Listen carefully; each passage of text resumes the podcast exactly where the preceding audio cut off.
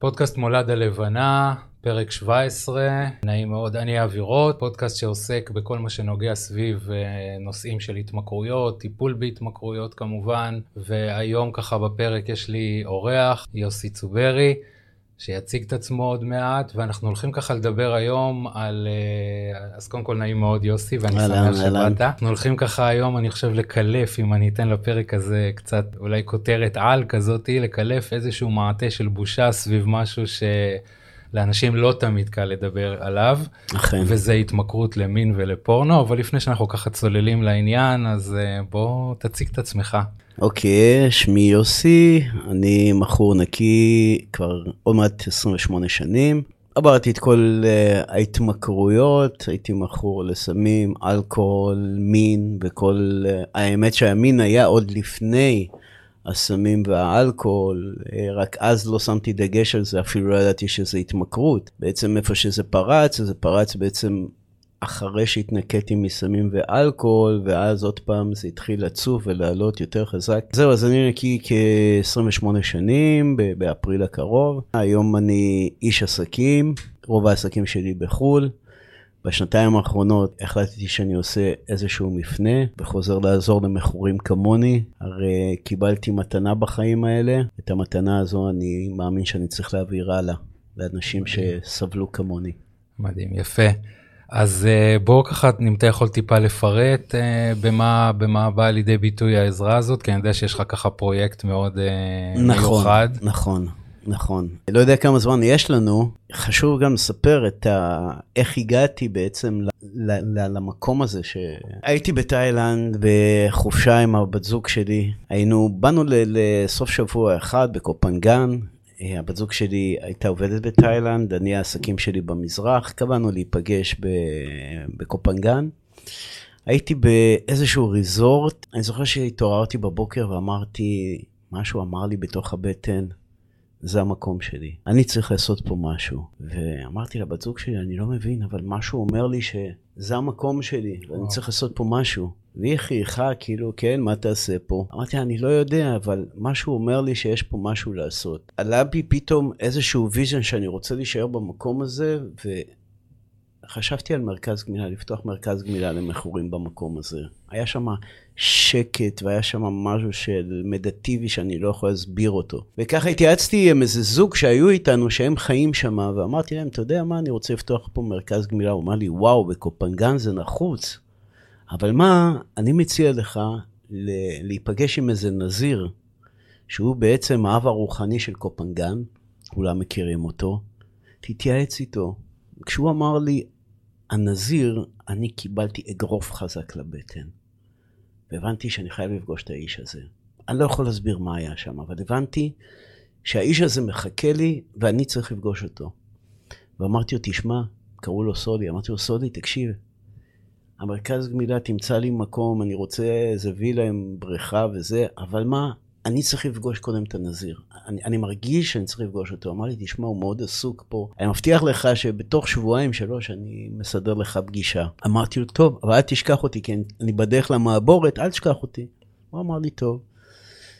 ואז אני עולה לעשות צ'ק-אאוט עם הבת זוג שלי, ואני מסתכל שמאלה בלובי, ואני רואה את הנזיר. נזיר, וואו. אני, עכשיו, אני, אני רץ לסולי ואני אומר לו, תגיד לי, זה הנזיר שדיברת עליו? הוא אומר לי, יואו, כן. Anyway, אני אקצר את זה, וניגשתי לנזיר ואמרתי לו שלום, שמי יוסי צוברי, ואני באתי לקופנגן, וחשבתי על להקים עסק פה, ואמרו לי להיפגש איתך, שכדאי לי להיפגש איתך, אבל אמרו לי שייקח שבועיים שלוש לפגוש אותך. אבל האלוהים שלי זימן אותך תוך עשר דקות אליי. אז הוא התחיל לצחוק ואמר לי במה מדובר. אז אמרתי לו, במרכז רוחני לטיפול בהתמכרויות. ואז הוא אמר, יואו, סוף סוף בא מישהו שפוי לאי הזה. וואו. ואמרתי לו, אז הוא אמר לי, בוא נשב ונדבר. אמרתי לו, תשמע, המעבורת מחכה לי תוך יומיים, אני חוזר לפה ונשב. והוא הזמין אותי אליו, נתן לי את הטלפון שלו, ואחרי יומיים הגעתי חזרה לקופנגן, הגעתי אליו למקדש, וישבנו אצלו במנזר שם, ישבנו שש שעות, מדברים, בוכים, צוחקים, בוכים, צוחקים, מדברים על, על, על, על האמת של החיים. כל אחד הביא את זה ממה שהוא מכיר, את האמת של החיים.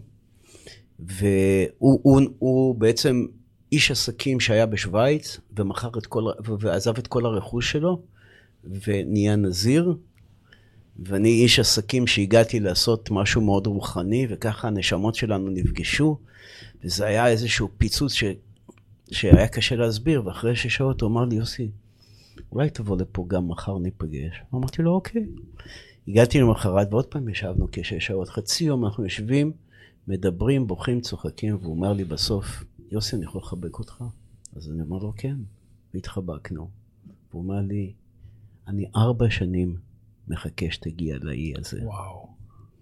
אני אומר לו, מה זאת אומרת? כולי התרגשתי ודמעות עמדו לי. הוא אומר לי, תשמע, אני נזיר, אני לא יכול לטפל בענייני כספים יותר. ומה שאתה עושה, מה שאתה הולך לעשות, אני מאוד מאמין בו. הריזורט הזה שהיית בו, הוא שלי. ואני לא יכול לטפל בכספים, אסור לי להתעסק בכסף.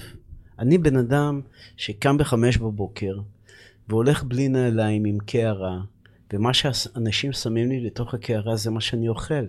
אני לא יכול לקחת אפילו מהבת כדי לקנות אוכל. אני, מה שאנשים נותנים לי. ואני לא יכול להתעסק עם כספים, ולא ידעתי מה לעשות עם, עם כל הרכוש שלי. היום אני מעביר לך את החברה שלי. כל מה שראית שם הוא שלך, ואני פרצתי בבכי. וואו, איזה צמרמורת עשית לי. הבנתי, הבנתי את ה vision שראיתי כשפתחתי בבוקר בריזורט ההוא את העיניים, ומשהו אמר לי, זה המקום שלך.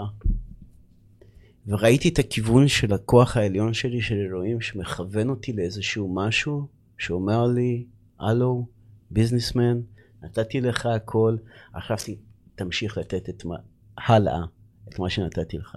וואו. כי הוא הכל על תנאי, ואתה וואו. בטח מבין על מה אני מדבר. ואז היה התפרצות, ואני זוכר שהוא אמר לי, אם אתה חושב שאני צוחק, אני קראתי לך היום לבוא, כי אתמול דיברתי עם העורכת דין שלי, תיגש לשם ותחתום על ההסכם, וזה מה שקרה. והיום יש לנו ריזורט יפהפה של 50 דונם, עם מקום ל-200 מטופלים. מקום שפועל בשיטה אחרת, מקום שפועל בשיטה שפחות מוכרת. ואנחנו בעצם במקום הזה עושים דברים מאוד מאוד מיוחדים מחוץ לקופסה, ומה שחשוב אצלנו זה הכל טיפול אישי, זה לא הכל טיפול קבוצתי, לא הכל אותו דבר, כי כל נפש היא משהו אחר, ואנחנו מתייחסים אליה באופן אישי. כל התמכרות צריכה את ה... אנחנו כבר נדבר על זה, ה, יש לה את הסימפטומים שלה ואת הדרך שלה. זהו, זה המקום שלנו בקופנגן, יש לנו מקום על החוף, מקום יפהפה, אני לא יודע אם אתה יודע, אבל קופנגן אה, אה, בנויה על קריסטלים, והאנרגיה שם היא מאוד מאוד עוצמתית. וואו, מה אתה אומר? עשית כן. חשק. טוב, אז uh, ברשותך, אנחנו נרד ככה באמת, uh, או נעלה תכלס לה, להתמכרויות, כי באמת אני משתדל פה בפודקאסט לתת כמה שיותר ערך לאנשים שמקשיבים, כן. ואני חושב שבאמת הכותרת שממנה התחלתי, היא באמת הנושא הזה של הבושה. מה זה, מה זה בעצם התמכרות למין? אם אתה יכול ככה בכמה משפטים. התמכרות התמכרות למין היא התמכרות כמו שאר ההתמכרויות, זה משהו שאתה חוזר עליו פ, פ, פעם אחר פעם בעצם, ואין לך יכולת לשלוט בו. זה בדיוק כמו אוכל, סמים, אלכוהול, הימורים או כל דבר אחר, כל התנהגות אחרת, שבעצם אין לך שליטה, עבדה, שלך, עבדה לך השליטה עליה. היא שולטת בך, זה התמכרות למין. זאת אומרת, אני לא יכול לעצור אחרי הפעם הראשונה שהתחלתי. Mm-hmm. להשתמש במין. אני, אני שומע מהרבה אנשים את השאלות, אה, אבל תשמע, כולם עושים את זה, ואני לא יודע אם כולם, כן, אבל זה הרבה פעמים אני שומע ממטופלים כן. הולכים אצלי בקליניקה, במיוחד שמין זה, זה כאילו צורך בסיסי, וזה הנאה כיפית והכל בסדר. אז איפה זה, אם אפשר לשים את הקו ולהגיד איפה זה הופך להתמכרות? אז כמו שאמרתי, גם אוכל זה הנאה בסיסית. וצורך בסיסי, וצורך יותר בסיסי, מזה. ויש עוד הרבה דברים שהם בעצם הצורך הבסיסי שלנו, שבעצם אה, הפכנו את אותו דבר טוב והפכנו אותו בעצם למשהו רע לתוך החיים שלנו. לקחנו את התרופה ועשינו ממנה רע, לא לקחנו דבר בריא ועשינו אותו חולה. אז מיניות, יש מיניות בריאה באמת, ויש מיניות חולה. ודווקא מין, כן, כולם עושים את זה, וזה דבר יפה, וזה דבר מענג, וזה דבר טוב מין, אני, אה, להפך, מין זה דבר טוב. היא ניתנה לנו על ידי הבורא, ככה, כן, גם להביא ילדים וגם ליהנות, ויש בזה המון טעם ושמחה אינטימיות לחיים, ו- אינטימיות, ו... ברור. מין זה מרכיב מאוד חיוני וטוב בחיים שלנו, אממה, בגלל שזה כל כך מהנה, וזה כל כך טוב, וזה בעצם מין נותן חום ונותן מגע, וזה עונה על איזשהו צורך מאוד אינטימי ומאוד uh, פיזי, כמו שאתה אומר, אז בעצם אני לוקח את זה ואני הופך את זה למשהו שהוא בעצם נהיה ה... העיקר בחיים שלי, כן? אני בעצם, החיים לא הופכים להיות העיקר, אלא, אלא זה הופך להיות העיקר. הופך להיות העיקר בחיים שלי, ובעצם 90 אחוז, אני, אני, מגיע מ-10 ל-20 ל-30, 40 ו-50 אחוז, ואחר כך אני מוצא ש-90 אחוז מהחיים שלי, חוץ מלאכול ולשתות ולעשות את מה שאני צריך, המוח שלי מרוכז סביב מין, מהמם. כן? וזה בעיקר פנטזיות מיניות. גם אם אני לא כל היום פועל על מין, אבל בעצם אצלי מתחולל סרט במוח כל יום על מיניות. אני הרי יוצא ברחוב, אני רואה נשים יפות, אני נמצא בעצם מול היום בכלל בעידן ה... האינסטגרם והפייסבוק והטיק טוק והכל הכל שם. חשוף והכל שם מגרה והכל שם, כל אחת מנסה להוציא לך את העיניים בעצם. אז אתה חשוף כל היום לגירויים. והגירויים האלה אצל מכורים למין, הם יושבים בקודקוד עמוק עמוק עמוק, ובעצם הם מנהלים להם את החיים. הם כבר שכחו מה זה לנהל את החיים שלהם. אז כן, אז מין זה דבר אז, טוב. אז נגעת בנקודה, אולי לפני שאנחנו נמשיך, אני...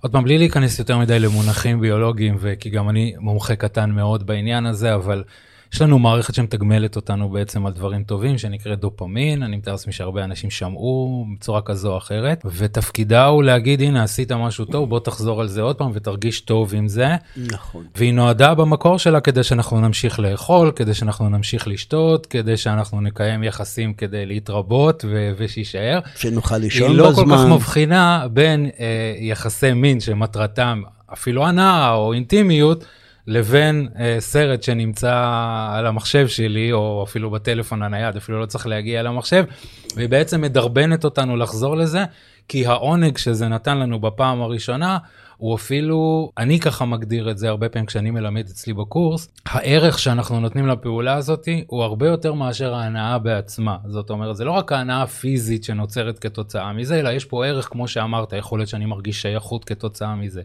כן, אני לבד מול המחשב, אבל בפנטזיה שלי, יש פה מישהו או מישהי שמחבקים אותי ועוטפים אותי, ואז אני בעצם מחפש תחושת אהבה או שייכות, או ביטחון אפילו, כן? זה יכול להיות אפילו, נתן לי איזה תחושת ביטחון, כי אני מדמיין את עצמי עכשיו נמצא עם איזושהי מישהי או מישהו, זה לא משנה כרגע, מאוד יפים ומאוד uh, חזקים, והנה אני מתחיל לחזור על הפעולה הזאת שוב ושוב ושוב, למרות שהיא כבר ממש לא משיגה, או בעצם אולי אף פעם היא לא השיגה, אבל היא נתנה לי את התחושה המאוד...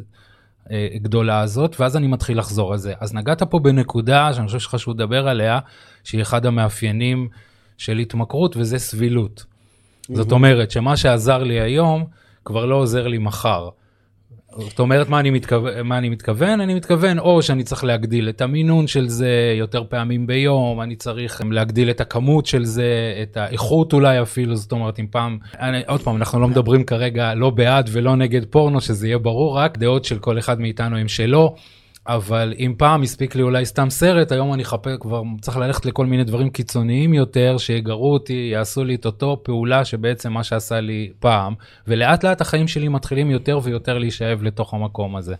אני אחזור על מה שאמרת, והמקום שם זה האילוז'ן הזה שאמרת שזה נותן לי ביטחון, וזה נותן לי להרגיש שייך, וזה נותן לי אה, איזשהו אה, הנאה שכאילו אה, אני חלק, בדיוק הפוך בסופו נכון. של דבר. אנשים מוצאים את עצמם בודדים, דרך אגב, בודד, לבד אני בבית, לא יכולים בודד, לצאת. אני חסר ביטחון, אני, אני, אני, אני, אני חי בדיוק בחוסר זה.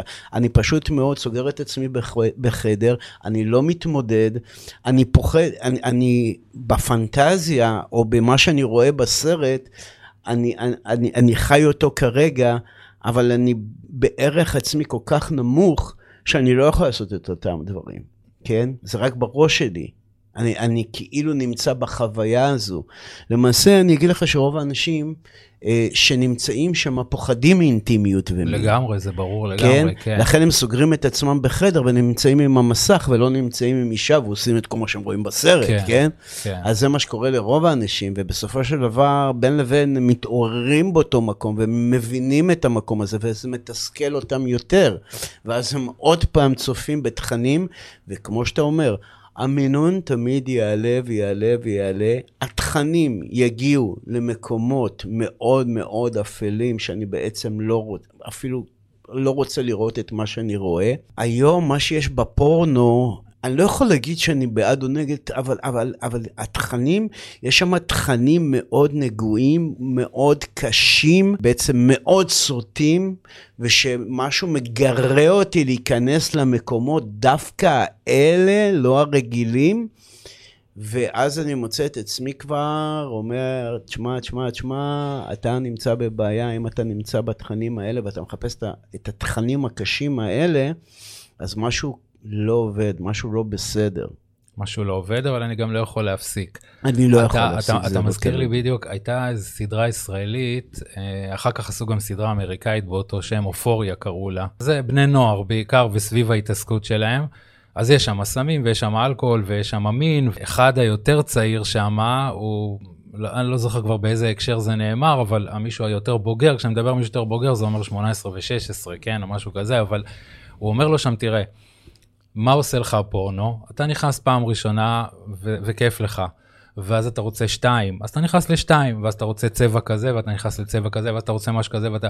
ואז הוא אומר, כשאתה בא פעם ראשונה ואתה אתה, אתה רוצה באמת יחסי מין מלאים, ופתאום אתה מגלה שהיא מזיעה, ושהיא היא בן אדם, היא פשוט בן אדם, ואתה כבר לא יכול לעשות את זה יותר. זאת אומרת, כאילו החיים הופכים להיות באיזשהו מקום הרבה פחות מלהיבים ממה שהעולם הזה על פניו מציע לנו.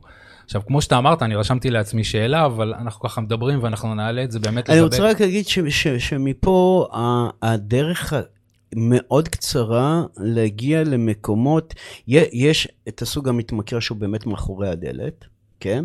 עם המחשב שלו, עם ה, לא משנה, עם הנייד שלו או כל דבר אחר, שהוא נמצא ב, ב, בחדר ומעונן למוות, ויש את אותו אחד שבעצם הוא לוקח את זה צעד קדימה והוא יוצא החוצה לחפש את זה, ואז הוא מוצא את זה בזונות רחוב, איפה שקל, כן? איפה שמשלמים קצת כסף ומקבלים את, את, את אותה כן. פנטזיה, ש...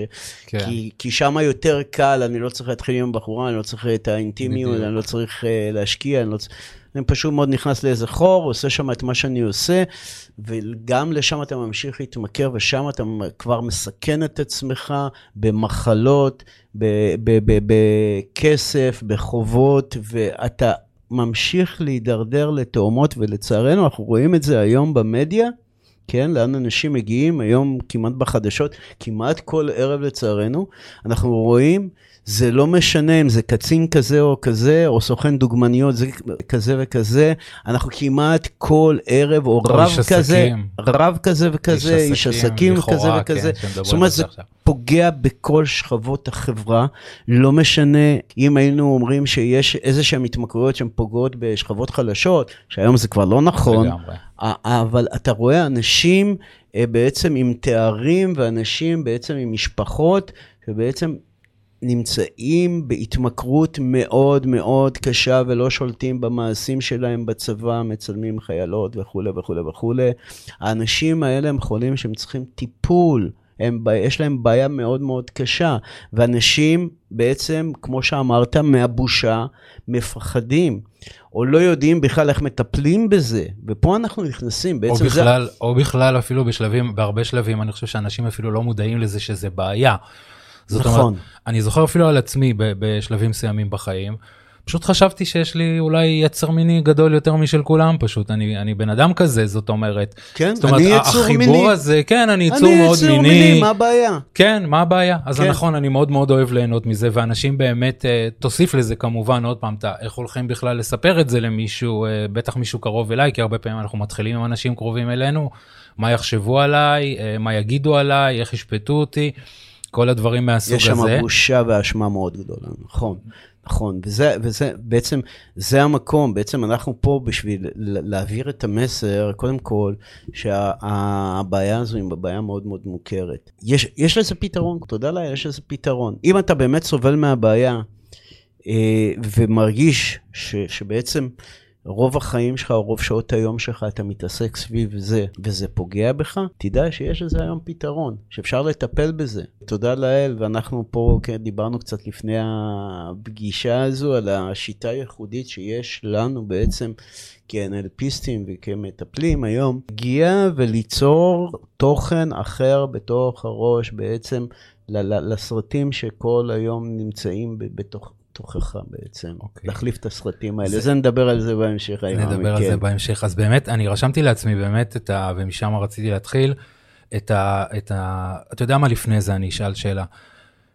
הרבה מטופלים שלי, או אנשים שמגיעים אליי לטיפול, חושבים, זאת אומרת שאם היה להם זוגיות, אז אולי הם לא היו צריכים להיות מכורים. אם הזוגיות שלהם, במידה ויש להם, אז אם הזוגיות שלהם הייתה יותר טובה, אז אולי הם לא היו. מתמכרים. או אם חיי המין היו מספקים אותם, אז יכול להיות שהם לא היו מתמכרים. אני חייב לספר לך איזה קוריוז, אני יום אחד ישבתי אצל הספר שלי בשכונת התקווה, שאל אותי באיזה תחומים אתה מטפל, אמרתי לו סמים, הימורים, אלכוהול ומין. הוא אמר לי, מה, אפשר להתמכר למין? אמרתי לו, בטח שאפשר להתמכר למין, ואמרתי לו, לא מזמן, אה, קניה ווסט פרסם, היה לפני שנה, שנתיים, אני לא זוכר כמה, שיש לו התמכרות לפורנו. אז הוא פתח לי את העיניים ואמר לו, אתה יודע מה יש לו בבית? אמרתי לו, כן, אני יודע מה יש לו בבית. כאילו הכוונה הייתה, מי שלא מבין, לאיזה אישה יש לו כן. בבית שכולם מפנטזים כן. עליה, או הרבה מפנטזים עליה, איך הוא מתמכר למין? אז איך מתמכרים למין גם אם הזוגיות היא כל כך טובה, אנחנו קצת נפריך את המיתוס הזה באמת שזה קשור. כי זה לא קשור בסופו של דבר לזוגיות טובה או לא טובה, או לחיים מספקים או לא ברור, מספקים. ברור, אפילו יותר מזה, זה, זה, זה מאוד, אני מתוודה פה, אני, אני, אני אגיד לך שהייתה לי אישה מאוד יפה, מאוד מאוד יפה בבית, ואישה מינית גם. ומצאתי את עצמי, מחכה כל יום שהיא תצא לעבודה, כדי שאני, ממש, על השעון, תצאי כבר, תצאי כבר, תצאי כבר, כדי שאני אוכל ללכת למחשב שלי ולראות את הפנטזיות שלי, כי, כי עוד פעם, ה, ה, זה, זה לא משנה מה, מה, מה יש לך בבית, הפנטזיות שרצות כל הזמן, וזה להחליף כל הזמן, אתה בעצם, אתה יודע מה, אני מתערב, שרוא, אם את רוצה לדעת אם אתה מכור או לא, כשאתה שוכב עם אשתך, על מי אתה מפנטז? אם אתה באמת שוכב עם אשתך, או בעצם אתה שוכב עם אחרות לגמרי, עם מה שראית בפורנו. דרך אגב, אפשר להפוך או... גם את האישה לפנטזיה באיזושהי זה צורה. מה שאני אומר. לא, אני אומר, זה... גם את האישה את אפשר האישה להפוך לפנטזיה. בה, ברור, ברור, ברור. כן. אז, אז, אז אני אומר, זה לא משנה הזוגיות, כמה אשתך אוהבת אותך, או כמה אשתך יפה, או כמה אשתך אפילו מינית. אתה תמצא את עצמך פחות ופחות שוכב עם אשתך ויותר מחפש בחוץ. כי עוד פעם אני חושב שההגדרה היא אני לא מחפש את המין אני מחפש את הדבר הזה שאני לא מצליח לקבל אותו כאילו אולי גם גם לא בפנטזיה אבל כי את הפנטזיה. אשתי היא אמיתית. הפנטזיה נכון. לא נמצא ברגע שזה אמיתי זה כבר לא פנטזיה יותר ואם זה בדיוק. לא פנטזיה זה לא נותן לי את מה שאני מחפש עוד פעם אמרתי אני, אני אחד האנשים שעבדתי איתם בזמנו זה היה פורנו וב-NLP יש משהו שלכל התנהגות יש כוונה חיובית גבוהה חיפשנו את הכוונה החיובית. הכוונה החיובית הייתה אהבה. שאלתי אותו, האם אתה, אתה מוצא אהבה, ההפך, הוא, הוא לעצמו, הוא בחור דתי. אה, אני אומר את זה, אבל לא חשוב להדגיש, זה לא משהו שנמצא רק אצל דתיים כמובן. זה יותר מפריע לפעמים, אבל זה לא, לא בהכרח. הוא לא יוצא לדייטים כי הוא אומר לעצמו, והוא היה מאוד כנה עם עצמו וראוי להערכה, הוא אמר, אני לא אצא לפגוש בחורה או מישהי עד שאני לא אפסיק עם, ה, עם הדבר הזה. אז לא רק שזה לא. נתן לו אהבה, זה גם מנע ממנו בסופו של דבר אהבה, אבל הפנטזיה הזאת שתקועה אי- איפשהו, אני הרבה פעמים אומר, החלקים האלה שיוצרים את ההתנהגויות האלה, הם, הם בדרך כלל נוצרים בגילאים מאוד מאוד צעירים. נכון. ושם הפנטזיות השתוללו, בטח כשזה נוגע למין, אבל גם כשזה נוגע לדברים אחרים. הפנטזיות השתוללו או כל מיני דברים אחרים. איפשהו זה תקוע, שאם אני רוצה אהבה, שווה לחזור כל פעם לאותו מקום, ששוב פעם, לא רק שלא נותן לי את זה, אלא גם מונע, מונע את זה ממני. כן, רק, רק שאני אני, אני אנסה לדייק מאיך שאני רואה את הדברים, הוא יכול לקרוא לזה אהבה, אני לא יודע אם הוא יודע מה זה אהבה. למעשה זה בלבול של תשוקה, אהבה ומין. נכון, י- נכון, יש- אבל עוד פעם, ילד בן 13 או בן 12, כשנחשף פעם ראשונה, והיום אני שומע סיפורים הרבה יותר מוקדמים מהגילאים האלה של, של האנשים שנחשפים נכון. לפורנו, נכון. מפרש את הדבר הזה אה, בתור, אוקיי, פה יש חיבור בין גבר לאישה, יש פה מישהו שאוהב מישהי, אה, עוד פעם, אתה יודע, יש את הסיפורים, ואחרי הסיפורים מגיעים הסרטים, ואחר, לא יודע, כל אחד עם, ה, עם החיבור שהמוח שלו עשה לצורך העניין הזה, זה לא כל משנה אם הוא יודע או לא יודע, אבל הוא כן רוצה לאהוב את עצמו, והוא רוצה שיאהבו אותו ויעריכו אותו, ו, ולא יודע מה, ואז אנחנו מחברים את זה לכל מיני דברים שהם לא באמת זה. זה, אלא הפוך מזה. אלא הפוך מזה, כן. כן, זה מה שחשוב להדגיש. כשאתה דיברת קודם, נכון. אז מישהי, אה, אני לא יודע אם זה קיים עד היום, אני חושב שכן, עשתה אתר אינטרנט בשם אה, עשו מין לא פורנו, כאילו. make okay. אוקיי. sex not porno והיא ממש אחד על אחד מראה עד כמה פורנו זה לא מין זה בכלל הפוך זה בדיוק. לא מין נכון. זה לא מין כל מה שנוגע לא משנה אנחנו לא ניכנס יותר מדי לזה כי זה בכל אופן פרק בפודקאסט אבל היא ממש מראה שם ועד כמה כמובן ואם אנחנו מתחילים באמת לדבר על הנזקים עד כמה באמת כל התפיסה מתחילה להיות מעוותת בנוגע א' לבן המין השני או בת המין השני. אה, אה, למה זה מין, למה זה חיבור בין, בין אנשים, בטח חיבור בין נשמות. לא, אני אומר, כן, אבל התפיסה מתחילה להיות מעוותת, כי ככה חיפצון. זה נראה לנו לגמרי. כי אני... אם, אז לא, חשוב לגוע בנקודה הזו, כי בעצם אה, אני הופך את הצד השני לאיזשהו חפץ, כי זה מה שראיתי גם בפורנו, וזה מה שבעצם, אני, אני צריך חפץ כדי להשתמש בו, אני צריך כלי כדי להשתמש בו. שאין לו צרכים, ש... שאין ברור, לו ברור, אה, ימים לא הצד... טובים. בדיוק. אין לו אה, מצבי רוח משתנים וכל הדברים האלה, כי פה אתה נכנס ומבקש את זה. דרך אגב, דיברת גם, גם על, גם על אה, זנות במקום הזה, או כל מה שקשור למין נכון. בתשלום. אז באמת זה בדיוק אותו דבר, זאת אומרת, אני משלם ואני יודע בדיוק מה אני מקבל.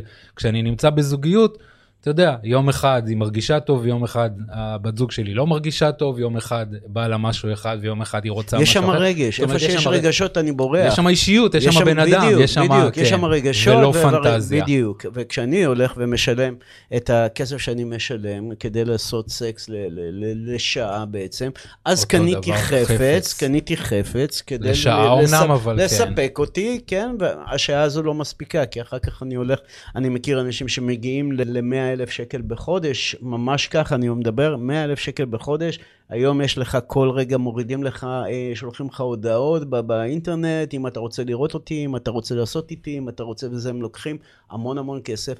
אני, בעצם בא אליי מישהו שבכה ואמר לי, הלוואי והייתי יכול לסגור אותי לאיזשהו מקום, הגעתי ל-100 אלף שקל בחודש, שילמתי כסף על כל מיני אתרים, על כל מיני בחורות שאני בכלל שולחות לי מכל מיני ארצות. שלחו לך, אתה רוצה להיות איתי, אתה רוצה לראות אותי, בוא נעשה משהו ביחד, והיום זה מכה רצינית באינטרנט. כי זה הפך להיות נגיש. זה הפך להיות נגיש. מאוד נגיש. אתה מקבל בפייסבוק כל יום מאות, בקשות חברות, מאות כן. בקשות חברות מכל מיני יפהפיות שאומרות לך, בוא נכיר ובוא נעשה, ואנשים בעצם מתפתים לשם ומשלמים אלפי שקלים בחודש כדי בעצם לצפות ולעשות איתם עניינים, שזה משהו וירטואלי, לא אמיתי, שזה משהו שהורג לך את הנפש, הורג לך את הנשמה, הורג לך את הביטחון העצמי שלך, אתה, אתה הופך להיות... בעצם מישהו שלא היית רוצה להיות. ומה שזה גרוע, זה פוגע בחיי משפחה שלך. שאלת אותי במה זה פוגע גם. Okay. אוקיי. זה פוגע בחיי משפחה שלך, אתה מגיע בערב לאשתך, אתה לא רוצה לעשות סקס. זה פוגע באינטימיות שלך, אתה לא רוצה להכיר אחרות, כי בעצם יותר נוח לך להיות עם אלה שעל המסך. כן, אתה לא רוצה עכשיו להיכנס לאינטימיות. בכלל מה שקשור, אני חושב אפילו לכישורים בין אישיים, זאת אומרת, היכולת שלי לפתח שיחה עם, עם, עם בת המין השני, או לפעמים אפילו... למה אני צריך את זה? אני, צריך אני, את אני, אני מקבל אורגזמה מול לא המסך. לא חבל על הזמן, אני כן. מקבל אורגזמה. כאילו, אוקיי. אפרופו דופמין, הזכרת את הדופמין, במחקרים ש, שראיתי שעשו, אז בעצם המוח מייצר פי שלוש מהרואין. זאת אומרת, אם השתמשת בהרואין, וזה ההיי או הקוקאין, זה בעצם פי שלוש, אז תאר לך איך אפשר להתמכר לזה בצורה מאוד מאוד קשה. כי השניות האלה שבעצם אתה, יש לך את האורגזם הזה, אתה נמצא וואו במקום, ובשנייה אחרי זה אתה צולל למטה, וכשאתה למטה, אז הוא אומר לך עוד פעם, בוא נעלה למעלה. וזה החיים שלך, החיים שלך הם בדיוק רכבת הרים. כן, ואתה נמצא בגלגל הזה של העכבר כל הזמן, כל הזמן, כל הזמן סביב מין. חשוב לי רק ככה להגיד, אני בטוח שלא לזה התכוונת, אבל זאת אומרת, זה לאו דווקא שהתמכרות צריכה להיות אם הוצאתי, או המקום שלי לבוא ולגשת לטיפול, או בכלל לבקש עזרה, כאילו בתחום הזה, לא, לא, לא חייב להיות דווקא אם אני מגיע ל-100 אלף שקל. אני אומר הרבה פעמים לאנשים, כשהם שואלים אותי מה ההגדרה של ההתמכרות, איפה זה עובר, אני אומר, אם יש פה התנהגות שהיא מפריעה לכם בחיי היום-יום שלכם, חד, חד או לחילופין מפריעה למשפחה שלכם, אז יש פה משהו. זאת אומרת, נכון שאולי לך זה לא מפריע כרגע, אבל זה מפריע לאשתך, או אני לא יודע, כרגע למישהו קרוב אליך. אז משהו פה לא בסדר ושווה לברר למה זה, למה אתה ממשיך לעשות. אבל רוב המטופלים בינינו, אם זה מפריע למשפחה שלהם, הם לא בדיוק יעשו טיפול. ברגע שזה נוגע זה, לך, זה מדויק, אצלך... זה מדויק וזה נכון, אבל אני אומר, רק מבחינת התשומת לב, הרבה פעמים יש שלבים מסוימים שאני מקבל את הטלפון, אני מתאר לעצמי שגם אתה מכיר את זה דווקא מבני המשפחה קודם, נכון, כי הם הראשונים נכון. שרואים שזה מפריע להם. הם רוצים בשבילך. אז נכון שזה יותר קשה, אבל מי ששומע אותנו, ואנחנו יכולים אה, לזרוע איזה זרעים ראשונים של, אה, של אה, מודעות קצת, בעניין הזה. אז עצם זה שיש פה משהו שהוא לא אה, אקולוגי נקרא לזה, זאת אומרת, זה לא רק פתרון, אולי בשבילי עדיין זה סבבה, לא מפריע לי פעם, פעמיים, שלוש ביום להיכנס לפורנו, אבל אם זה מפריע למשפחה, ואם בעקבות זה אני לא יודע מה עוד רגע בתהליך גירושים או כל מיני דברים מהסוג הזה, שווה לבדוק למה רוצה, אני ממשיך לעשות עם זה. אני מוצא את עצמי לא רוצה לקיים יחסי מין עם הבת זוג שלי. או שאני מוצא את עצמי נמנע מאינטימיות, כמו שאתה אמרת.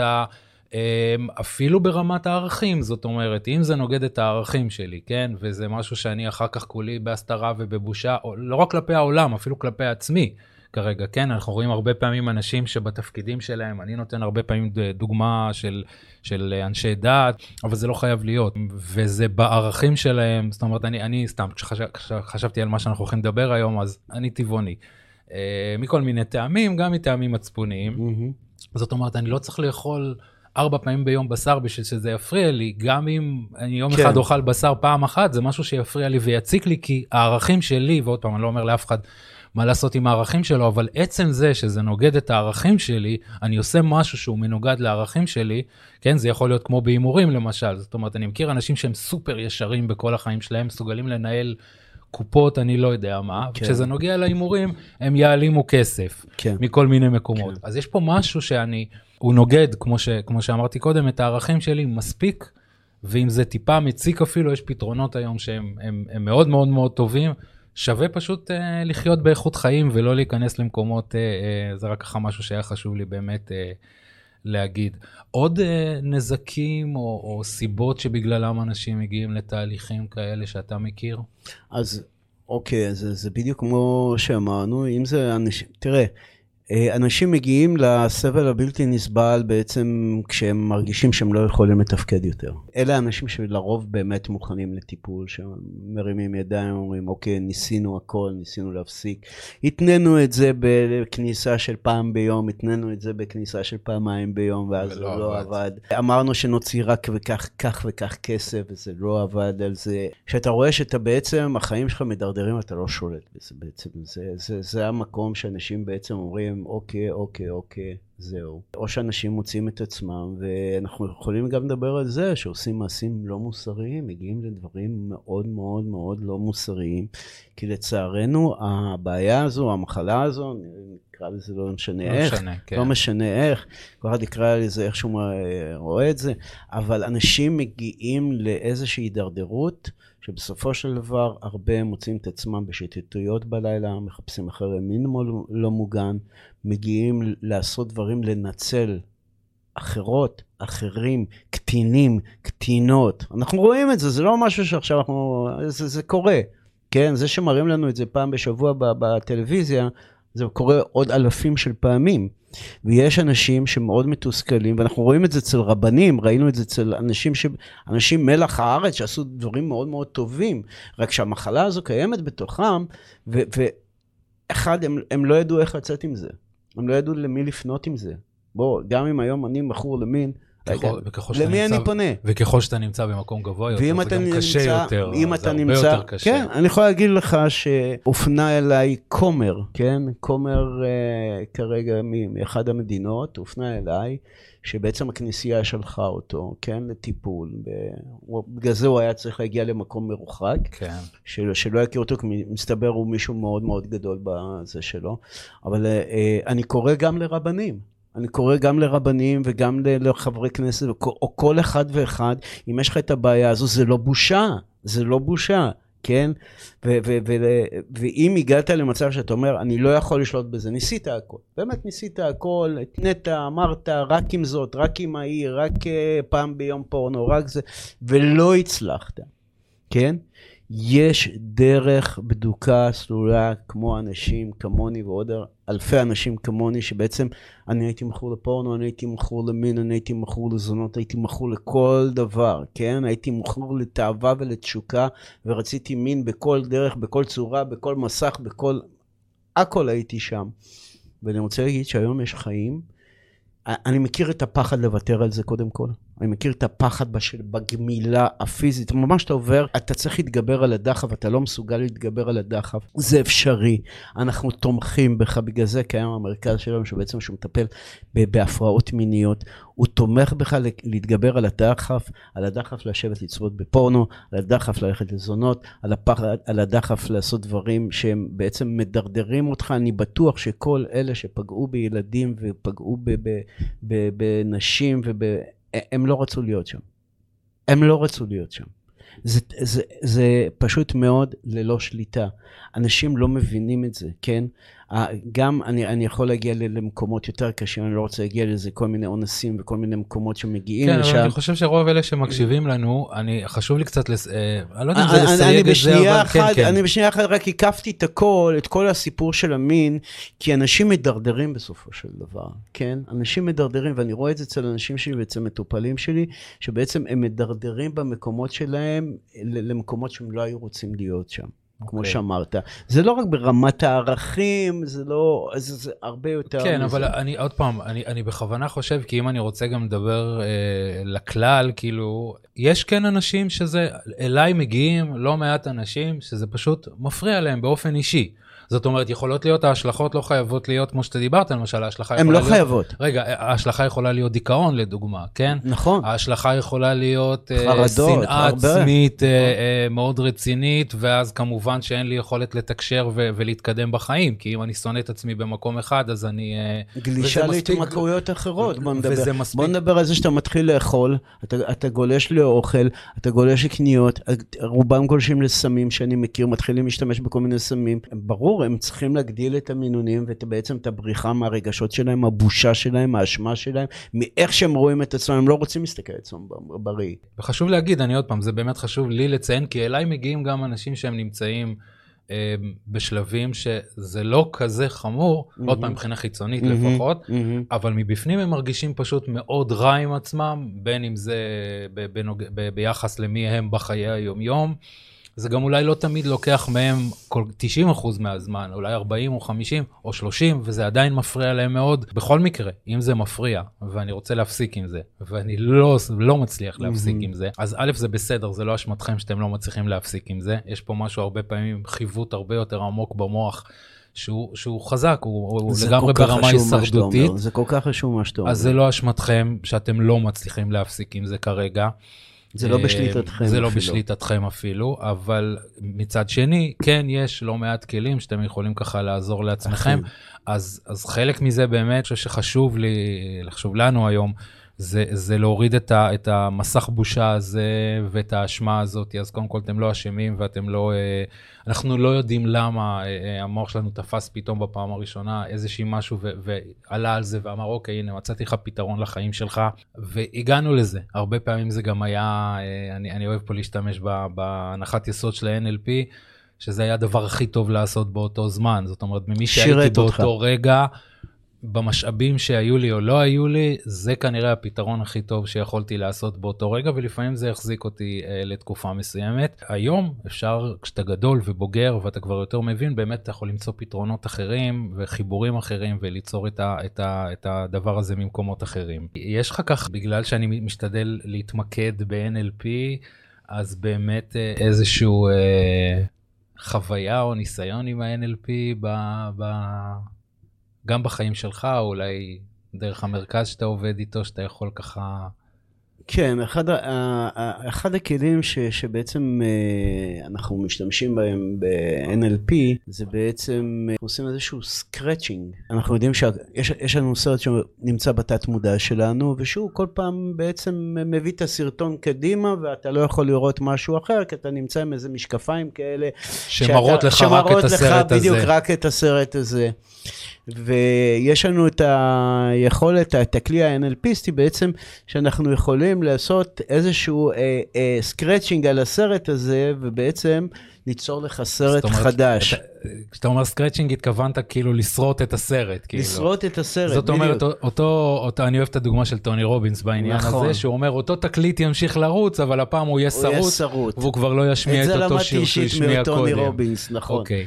יפה. אני, אני, אני רק אסביר את זה טיפה למי שמאזין ולא כל כך מכיר אה, את, ה-NLP, אז כשאנחנו אומרים שאנחנו חושבים על משהו, ופה אנחנו מדברים על מחשבות אוטומטיות ולא נכון, רצוניות, נכון. אה, אנחנו חושבים הרבה פעמים או דרך אה, משהו אה, אודיטורי, קולי, זאת אומרת יש לי איזה קול בראש שאומר איך בא לי עכשיו לעשות ככה מהמם. וככה, או באמצעות דברים ויזואליים כמו סרטים או אה, תמונות אפילו. זה נראה כאילו אנחנו לא מצליחים להוציא אותה מהראש, שלא משנה על מה אני אחשוב, התמונה הזאת תקפוץ שוב ושוב ושוב ושוב. אז באמת בגלל שזה, זה, יש הרבה דברים נפלאים שאני אוהב ב-NLP, אבל זה אחד מהם. יש לנו את היכולת בעצם להבין איך התמונה הזאת נוצרת, ואו לחבר לתמונה אחרת, באמת, כמו שאתה אומר, אפילו לשרוט אותה ברמה שהיא לא תעשה את אותה עבודה, או אולי אפילו תעשה עבודה הפוכה. טוני רובינס אפילו אומר את זה בהקשר של מי שזוכר פעם את ה... בסרטים עוד יש את זה, המכונות מוזיקה שהיו Mhm. ב- בברים, היית נכנס, שם מטבע ולוחץ. נכון. אז כשת- כשתלחץ על אותו תקליט, תמיד יצא אותו תקליט כמובן, אבל אם מישהו יחליף את התקליט מלמטה, יכול להיות שתמשיך ללחוץ על אותו כפתור, אבל מוזיקה אחרת תישמע שם, ולא... בדיוק ולא הנקודה, הדיסק זה הזה. מה שאנחנו זאת אומרת, עושים. אותו כפתור יילחץ, נכון. אותו זה, אבל המוזיקה שם תהיה מוזיקה תהיה אחרת. תמונה אחרת, בדיוק, בדיוק. כי זה מה זה. שאנחנו עושים במרכז שלנו. בעצם, יש את תורת הקידוד בעצם. אנחנו בעצם מקדדים סרט אחר בתקופה שאתה נמצא אצלנו. אנחנו בעצם... מכבדים אותו. כן. בדיוק, מכבדים סרט אחר, אנחנו שורטים את, ה, את, ה, את הישן, ובעצם אתה תראה במשקפיים החדשות זאת אומרת, זה כאילו חדש. לקחתי את החוט, ובמקום להכניס אותו לשקע אחד, הכנסתי אותו לשקע השני, ואז זה כל פעם ידלק בדיוק, התמונה. בדיוק, ואמרתי לך. ואמרתי לך מקודם כשישבנו בחוץ, אם תנסה לחבר את, את הישן, מה תראה בדיוק? כן. אתה תראה משהו שאתה לא רוצה לראות. זאת אומרת, גם אם תרצה להיכנס לפורנו, או למקום שמאמין, ל- ל- לסרט שיש לך בראש, אתה תראה דברים אחרים שאתה לא רוצה לראות אותם. אז או משהו שאתה לא רוצה לראות, או לפחות משהו שלא יעשה לך את מה שעשה לך בדיוק, הסרט בדיוק. הקודם. בדיוק. זאת אומרת, אם כבר לראות סרטים, אז בואו נראה סרטים שמקדמים אותנו, ולא נכון, סרטים ש- נכון. ש- שלוקחים אני יכול להגיד לך שהיום. שהיום המחשב שלי הוא מלא בכל מיני קורסים, אה, תודה לאל, ולא בפורנו. פעם הוא היה ממלא בכל מיני אתרים של פורנו, הייתי רק צריך ללחוץ לאן להיכנס. היום הוא נמצא בכל מיני קורסים שבעצם מעצימים אותי. טוב, עוד משהו ככה לסיום, או... לסיום אני אגיד שבדיוק את מה שאמרת, שזה מאוד מאוד חשוב אה, לחזור על זה, שאם יש לך בעיה של פורנוגרפיה, אתה ממש לא אשם.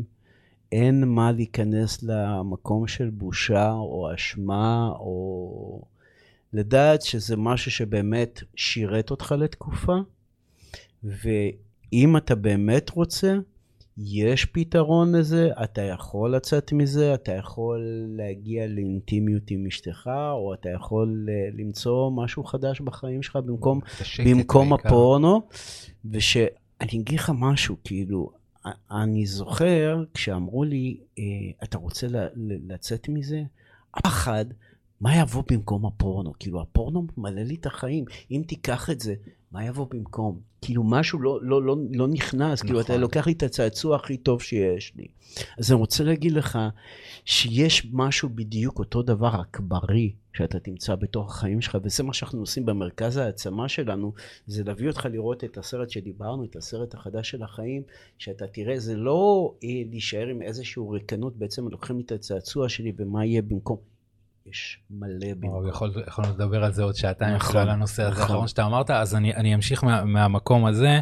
אז קודם כל, ב- ב- בתפיסה שלי גם, אני אומר, ל-NLP יש גם את היכולת, או לטיפולים אחרים, זה כרגע פחות משנה, לתת לא רק את הפתרונות כרגע, אלא גם לטפל קצת בשורש של הבעיה, הרי אם אני מחפש שייכות או אהבה או ביטחון, סימן שחסר לי את זה, ולדעת איך אני, איך אני בעצם בונה את זה אצל עצמי. נכון.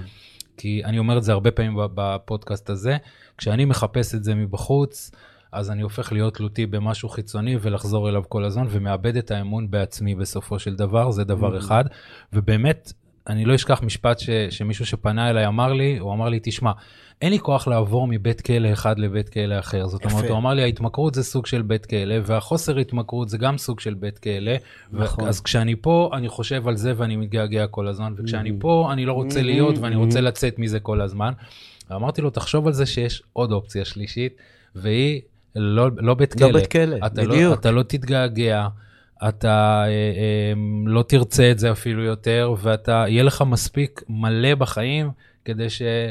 אה, גם אם תחשוב על זה מפה לשם, אבל זה לא מה שישגע אותך ויביא אותך באמת למקום הזה. זה לא, שול, לא ישלוט בך יותר, אתה תשלוט בזה, זה לא ינהל אותך, אתה תנהל את זה. מצוין. זה ההבדל. מצוין. טוב, אז, אז אה, ככה אנחנו באמת מגיעים לסיום, אני, תוך כדי שאנחנו מדברים, אני חושב על כמה עוד דברים אפשר היה להעלות כן, כאן, אז כן. אולי שתחזור לפה לארץ בפעם הבאה, נעשה עוד, עוד אה, פגישה כזאת. דרך אגב, אנחנו אה, בחודש הבא, אני מאמין שאנחנו פותחים מקום גם בירושלים, מרכז רוחני לטיפול בהתמכרויות ובמין בפרט. אז uh, זה יהיה גם בארץ. אז בוא אני אגיד ככה במסגרת הזאת, שאתה פנית אליי ככה uh, לשיתוף פעולה, נכון, בעצם uh, נכון. המקום ש, שלפעמים חסר אצלי, זה, זה המקום שבו אנשים רוצים לצאת ככה באמת, קודם כל להתנתק קצת, ואז לחזור, ל, ל, או להמשיך את התהליך אחר כך. ושמישהו יעזור להם להתגבר על הדחף. אז באמת ככה דיברנו על שיתוף פעולה בינינו, נכון. בוא תגיד ככה איך מגיעים אליך, למרכז, אתר אינטרנט או... יש אני... את האתר שנקרא הולין. אלינה, co.il. אני גם ארשום את זה בקישור. אפשר uh, להגיע אליי לטלפון האישי שלי, להתייעץ, לבדוק אם אתה מכור או לא מכור, או אני מציע בדרך, אגב, שתגיעו דרך אבי רוט. זאת אומרת, אבי בעצם יכול לדבר איתכם על הנושא הזה, הוא מכיר את הנושא הזה טוב מאוד, ובעצם הוא יוכל להפנות אתכם אה, אליי אישית, ואנחנו עובדים בשיתוף פעולה מלא, אה, אני ואבי, למעשה זו פלטפורמה שתהיה שייכת לאבי, למטופלים שלו, ואנחנו נטפל במטופלים שלך. מצוין. טוב, תודה רבה. תודה לך. אנחנו ככה מגיעים לסיום, אז שוב, אני ככה פונה במידה ו... קודם כל, תודה רבה. אם הקשבתם עד לפה, אני חושב שככה אה, נתנו פה הרבה ערך. אם יש לכם שאלות, אה, הערות לגבי הפרק, אה, כל דבר אחר, אתם מוזמנים ככה לפנות אליי למספר הוואטסאפ שלי, 052-6251-477. תודה, תודה שאתם מאזינים. אתם מוזמנים כמובן להגיב, לדרג את הפודקאסט, כדי שעוד אנשים יוכלו ככה לפנות אליו, ואם זה, התכנים האלה חשובים לכם ומעניינים אתכם, אז לעשות subscribe שם לערוץ, לאיפה שאתם מקשיבים. ונתראה בפרק הבא.